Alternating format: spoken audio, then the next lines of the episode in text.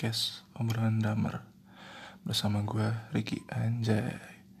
Kali ini gue bakal bahas di judul podcastnya ini adalah kenapa kita semua suka drum. Kenapa? Buat kita kita yang suka drum kenapa? Kenapa gue ngasih judul kayak gini? Karena menurut gue uh, banyak yang perlu gue ceritain kepada kalian semua kalau perspektif gue, pandangan gue kenapa gue suka drum banget bener-bener suka drum. Awalnya tuh gini gue cerita ya. Gue flashback dulu.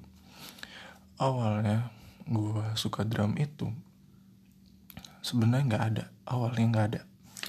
Awalnya nggak ada dulu nyokap gue maksain gue main. Eh maksain main lagi. Maksain les musik itu. Dan gue ngeliat saudara gue main drum kan. Emang tertarik tadinya. Wah keren juga main di panggung. Terus ngeliat kayak wah gue kayaknya bisa nih. Terus gue ngikutin mainnya di bangku duduk di di apa? Di bangku bangku bangku para penonton kan. Uh, sepupu gue main main drum di saat dia harus tampil kan. Terus gue ngikutin wah enak nih mainnya gitu. Cuma ngikutin aja ketukannya gimana. Di bangku itu ngeliatin kayak keren juga gitu terus um, pada saat itu udah kelar acaranya. Terus um, gue disuruh pilih. Kak kata nyokap gue itu kamu pilih les apa aja deh. Mama mau kamu les musik pokoknya. Terus situ gue bingung gue juga ada setengah ngambek dan karena gue dulu juga anaknya pemalu banget dan kayak nggak ada gairah mau mau les gitu. Ah males ngapain sih les? gitu. Nambah nambahin beban doang kan. Kalau bocah dulu mikirnya gitu ya terus um, gue milih deh. Wah oke okay deh gue cobain aja dah gitu. Awalnya milih itu dikasih pilihan mana gue hampir tertarik mau nyoba apa gitu lupa. Dan akhirnya gue mending untuk mengikuti sepupu gue karena ngelihatnya kayak keren gitu pakai drum kan ya udah. Awalnya gue belum terlalu tertarik tuh walaupun gue harus maks uh, maksain diri untuk les gitu kan. Ya udah gue pilih les drama aja.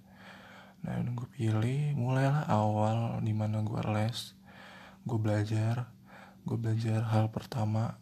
Itu gue gugup gugup banget karena satu satu satu sama satu sama guru gitu. Jadi kayak face to face aja sama guru musiknya gitu kan. Terus gue belajar. Pertama awal tuh sih belajar um, groove groove yang biasa aja sih kayak yang yang 4 per 4 aja yang biasa lah. Kalian tahu kan pasti. Nah pokoknya belajar itu. Terus belum ada apa ya kayak Big Bang teori yang Big Bang meledak gitu di otak gue kalau gue tertarik gitu kan. Kayak wah masih masih belum terlalu ini kan. Terus nyoba. Nah makin hari makin lama gue ketemu hal-hal yang sulit. Yang gue paling benci pada saat itu pas gue les pertama kali adalah belajar rudiment itu bener-bener nguras otak gue waktu itu kayak anjir nih main apa? Coba gue nggak ngerti apa-apa gue disuruh main kanan kiri kanan kiri kanan kanan kiri kiri. Apalah paradiddle apalah. Itu gue awal kayak aduh ngapain dah belajar gini dah kenapa nggak groove aja? Gitu kan gue awal kayak gitu. Gue puyeng sampai disuruh latihan di rumah kan setiap gue les tuh kayak udah latihan di rumah ya. Nyesel sampai nggak latihan. Oke. okay tapi gue kan belum tertarik kan. Jadi kayak aduh nggak ada drum nggak ada apa-apa.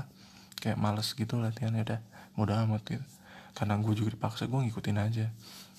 Gitu. Terus makin lama uh, ketemu lagi hal yang sulit itu pas gue main lagu lagu rock gitu. Apa gitu. Linkin Park atau Blink 182 kalau nggak salah. Tuh gue kayak oh, susah banget dalam lagunya. Ada ada hal-hal yang susah gitu kan Paramore tuh susah juga tuh waktu awal main. Kayak waduh dan ada sih sebagian lagu rock yang gue tertarik kan. Walaupun sekarang ujung-ujungnya gue jazz fusion gitu. Terus uh, ya udah semakin berjalan dengan waktu gue ngikutin konser yang diadakan sama tempat les gue gue ikutin terus walaupun kayak waktu itu awal-awal juga gugup banget aduh gue main sendiri lagi drum solo gitu tapi ngiringin pakai lagu gitu kan. Apalagi gue dulu gendut item uh, gendut item black attack gitulah the kill. Terus kayak aduh gue gue main ginian depan orang berasa kayak buto ijo main gitu kan. Duh gue bisa nggak ya? Nah, untuk alhamdulillah gue bisa uh, dapat apa ya dapat feelnya pas main walaupun masih ada gugup kayak deg-degan gitu awal pertama kali drum solo. Itu bener-bener uh, the most apa ya the most memorable experience of my life lah. Kayak bener-bener nggak nyangka aja gitu bisa main depan orang. Terus kayak hmm, apa lagi ya um, seiring berjalannya waktu lah gue ngikutin dan baru suka bener-bener suka dan menekunin drum itu pada saat SMP nggak tahu kenapa. Itu gue ketemu yang namanya di YouTube um, Cooper Drummer kalau nggak salah. Eh enggak deh. Cooper Drummer itu pada saat gue SD lah gue ketemu di YouTube tuh. Gue nontonin wah keren banget nih. Awalnya gue influencer rock banget. Awalnya. Terus SMP mulai nekunin dengan hal-hal teknik lah segala macam itu.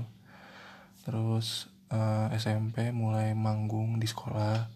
Bentuk bandnya bandnya sih karena disuruh aja sih. Jadi sebagian temen gue cuma kayak terpaksa aja kayak udahlah buat sekolah ini gitu. Terus ya udah gue main manggung gitu kan. Waktu itu drumnya kalau nggak salah tuh kayak yang lo pada tahu nggak sih? Kayak drum yang dijual di Gramet gitu. Nah itu murah banget dan simbalnya tuh kayak ya Allah yang gitu-gitu doang. Yang kayak udah bekas gitu rasanya. Aduh gue bilang kayak aduh nih gue harus main di drum yang kayak begini dulu gitu kan. Padahal waktu gue konser di sama les gue tuh dikasihnya yang bagus-bagus gitu. Giran di sekolah dikasihnya gembel ya udah gue nikmatin aja deh gitu. Terus uh, seiring berjalannya waktu lagi terus ketemu pas SMP kelas 9 kalau nggak salah mau SMA gue ketemu yang namanya band Fusion itu Snarky Papi di situ gue bilang wanjir gue itu baru Big Bang Big Bang teorinya mulai melesat di situ gue anjir gue bilang. Keren banget gue gitu dalam diri gue sendiri kayak wah gila gue harus nekunin drum sih. Gue pengen bisa. Terus ditambah lagi gue selain gue ketemu Jazz Fusion lah segala macam itu ketemu yang namanya Gospel Chops. Nah orang-orang hitam yang main di gereja kan. Nah itu gue merasa kayak wah gila sih ini keren banget keren banget kan. Terus um, bener-bener gue di situ mulai tertarik mulai belajar rudiment uh, pattern combination apalah phrasing itu. Gue gue nanya sama guru gue waktu waktu itu kayak masih waktu itu juga masih kayak orang kebingungan nih gue harus mulai dari mana. Dan gue sebenarnya ngerti bahasa Inggris tapi nggak tahu kenapa ya nonton di YouTube tuh nggak ngeh gitu loh. Sebenarnya nah baru nyadar itu pas SMA dan gue nyesel kenapa SMP nggak gue tekunin? Padahal gue ngerti Inggris dan seharusnya tuh bisa ngikutin tutorial yang dikasih gitu kan.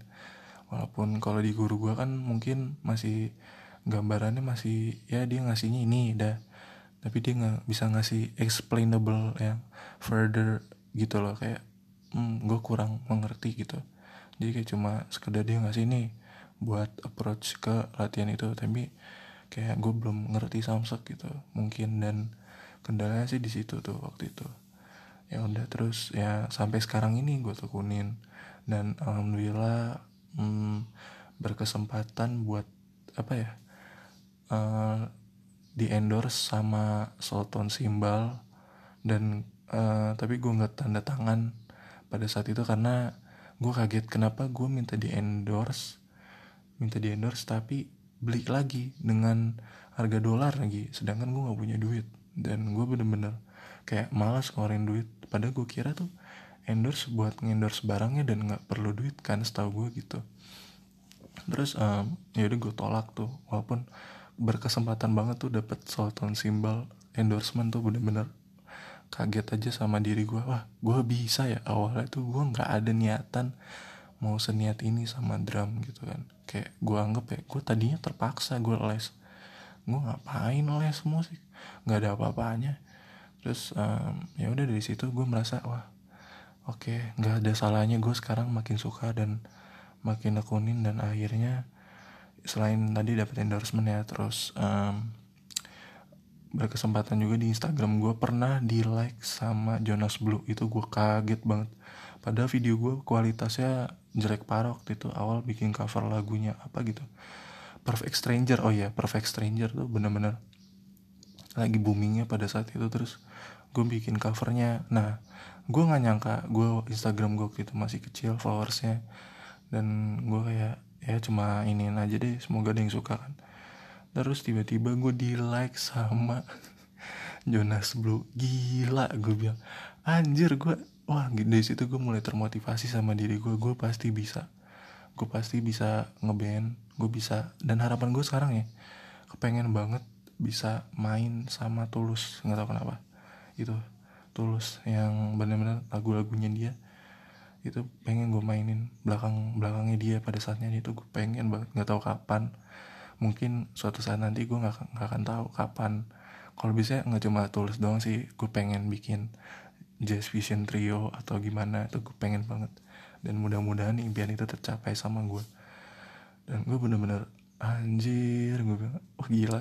Dari hal yang kayak Tone yang endorsement sama di like Jonas Blue itu bener-bener nyentuh hati gue banget bahwa gue tuh bisa. Nah yang ketiga itu yang gue pernah dapatkan adalah yang paling besar sih menurut gue ketika gue bikin cover sama orang oh, waktu itu tahun berapa gitu yang lagi booming boomingnya The Queen yang filmnya keluar Bohemian Rhapsody itu bener-bener gue bikin itu gue nggak nyangka. Ya namanya juga awam kali ya. Baru ngerasa views seribu aja udah seneng banget. Dan di situ gue aduh keren banget gue views gue seribu dan like gue nembus dari 100 aja udah seneng banget.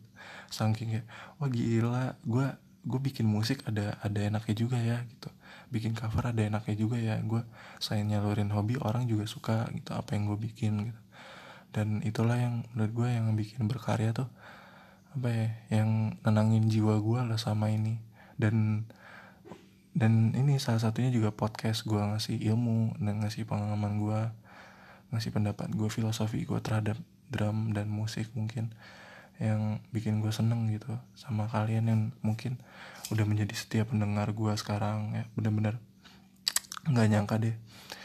Terus uh, apa ya terus kayak nggak nyangka uh, dapat hal-hal yang sedemikian rupa walaupun kelihatannya ya, ya ini emang dasarnya begini gitu kan. Tapi gue nggak tahu sih nanti gue bakalan masih masih bisa berkarya gini atau enggak tapi gue usahain gue pengen terus berkarya walaupun gue sekarang nggak bisa ngedrum secara ngedrum terus di videoin gitu loh. Jadi karena kendala gue juga di rumah belum ada peredam lah pas segala macem jadi itu kendala banget. Jadi gue selama ini cuma bisa latihan di drum elektrik gue ataupun di pad gue yang nggak ada suaranya juga gitu. Jadi gue cuma latihan phrasing pattern combination terus kayak dengerin lagu sambil dimainin. Terus gue ngelatih sama pakai metronom gitu. Dan gue bener-bener grinding banget hard work banget ya pokoknya gitu. Sampai saat ini gitu. Dan gue masih terus membangun apa ya komitmen konsisten fokus gue terhadap apa hal yang apa yang gue suka sama ini. Dan itu gue terapin ke setiap bidang gue yang pernah gue jalanin. Sebisa mungkin gue pakai komitmen dan jangan sampai gue luntur di tengah jalan. Makanya dari itu gue bener-bener berharap banget hobi gue salah satunya ini bisa berjalan terus.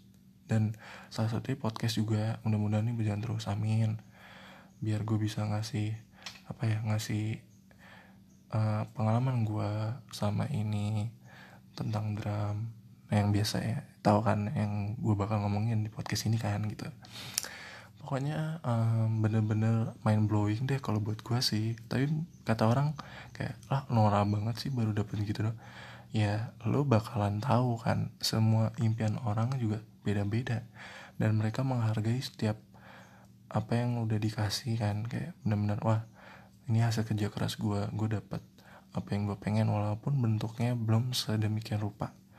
Dan gue bersyukur akan hal di mana ya hal kecil aja yang membawa perubahan aja itu udah apa ya memberikan impact impact positif lebih ke diri gue gitu. Walaupun ada juga orang yang gak suka sama gue walaupun ya ada yang pernah sih ini jujur di pengalaman gue di sekolah gue diajak kayak ngapain sih main drum? Alay banget masang video gitu. Gitu-gitu segala macem. Gue pernah dapat komentar-komentar nggak jelas gitu. Kayak ya udah ini kesukaan gue apakah gue bakal ngeledek kesukaan lo? Kan gitu. Dan gue pun gak ngejelekin hobinya dia dan netizen netizen itulah yang menganggap gue alay apalah segala macem. Tapi ya ini yang gue hal yang gue suka. Dan makanya gue tuangin di podcast ini juga biar semua orang tuh ngerti bahwa gue tuh bukan sekedar hobi men. Udah kayak uh, mendarah daging di diri gue gitu. Dan gue harap sih kalian semua yang punya impian tetap menjalani lah dengan komitmen fokus. Dan jangan sampai nyerahlah di tengah jalan gitu. Walaupun banyak rintangan kayak orang ngejek sana sini ngasih fitnah sana sini tapi ya kita jalanin aja. Satu saat nanti kita bakal ngerasain perubahannya dan orang bakal nyadar bahwa kita tuh benar kita tuh nggak nggak ada niatan jahat sama orang dan kita benar-benar ngejalanin apa yang kita suka men. Passion kita apa? Jujur passion gue di drum di musik dan gue bener-bener uh, menjalani itu semua. Dan sekarang gue bener-bener juga menjalani ini. Gue agak sedikit core topik um, gue sama sama pandemi ini juga nyobain olahraga di dalam workout dan alhamdulillah gue terus berjalan gitu dengan konsisten. Walaupun ya hasil pasti lama tapi dengan sering berjalannya waktu ya kita tetap ngejalanin nggak akan kok hasil nggak akan muncul. Maksudnya nggak akan bohong lah hasil gitu. Jadi gue yang perlu gue nikmatin ialah proses. Makanya kenapa gue ngasih judul ini karena emang gue juga selain ngasih pengalaman gue ngasih ngasih saran bahwa ya kita nikmatin aja prosesnya apa yang kita impikan gitu. Di drum itu emang banyak hal perlu kita kuasain cuma ya udah nikmatin aja prosesnya. Dan nikmatin segala perubahan-perubahan dan perubahan-perubahan yang apa ya yang kecil-kecil gitu. Karena itulah tanda di mana uh, apa yang kita kerja keraskan semua berbuah hasil di di saat nanti gitu. Dan itu pun gue udah rasain. Nah itu yang gue rasain terus. Uh, ada lagi sih gue selain dapat musik uh, musik cover yang gue bikin di Instagram dapat wis ribu itu gue uh, datang ke kliniknya dua drum di ID Bekasi. Itu bener-bener gue ngerekam. Gue diajak jamming. Nggak sih gue ditawarin jamming kan. Terus gue jamming bareng. Jamming bareng sama Yo Iqbal. Yo Iqbal kalian tahu kan Yo Iqbal? Yo Iqbal itu drummernya Hi-Fi. Drumnya Rizky Febian kalau kalian tahu. Bener-bener uh, orang yang baik banget sih sama Yani juga yang di Anda Putra mereka kan drummer-drummer profesional yang datang ke Bekasi buat klinik. Waktu itu diundang lah sama ID Bekasi. Itu bener-bener gue kayak gue main gue minta rekamin sama teman gue waktu itu. Gue kenalan di saat itu juga. Gue main gue ngeluarin chops gue di situ gue uh gue ngerekam gue post di IG wah gila. Lebih dari seribu man dua ribu itu gue gak nyangka di hidup gue bahwa gue wah gila. Ada juga yang menghargai apa yang gue lakuin ya gitu. Dan gue seneng dengan apa yang gue ada latih sama ini gitu. Kayak oh nih goals goal goals gue nih gue dapet nih gitu. Dan sama ini gue terus jalanin apa yang salah apa yang benar gitu kan. Biar nanti meranjak makin ke puncak di mana gue jadi drummer yang apa ya drummer yang gue impi-impikan sama ini yang gue pengen main sama sini main sama situ jadi kesampaian mudahan doainnya semoga podcast ini berjalan juga bagi pengalaman gue buat kalian. Pokoknya terus dengerin podcast gue. Gue bener-bener menghargai kalian yang mendengarkan podcast ini di episode ini. Mudah-mudahan yang punya impian setinggi tingginya mudah-mudahan nggak nyerah. Gue pun sama gue masih kerja keras masih keluarin keringet bener-bener kayak ya gini gitu. Kalau memang lo pengen bisa pengen bisa lebih dari siapa pun itu emang perlu kerja keras men. Dan gue pun ngerasain apa ya kayak itu diterapin ke diri gue makin baik aja dengan selain di dalam di secara akademis gue sekolah gue bener-bener kayak dapatkan hasil yang lebih gitu dengan gue fokus dengan satu hal dengan komitmen dengan lo tahu lo harus rasa sakit-sakit dulu gitu bersenang-senang kemudian. Nah itu menurut gue yang gue tancapin sama diri gue karena itu semua membawa perubahan sama diri gue gitu. Jadi buat kalian tetap semangat gue yakin kalian bisa oke? Okay? oke okay, sekian aja dari gue don't forget to like uh, podcast gue tetap share apa yang gue uh, apa yang gue kasih ke kalian mudah-mudahan share ke teman-teman kalian semoga mereka tertarik juga.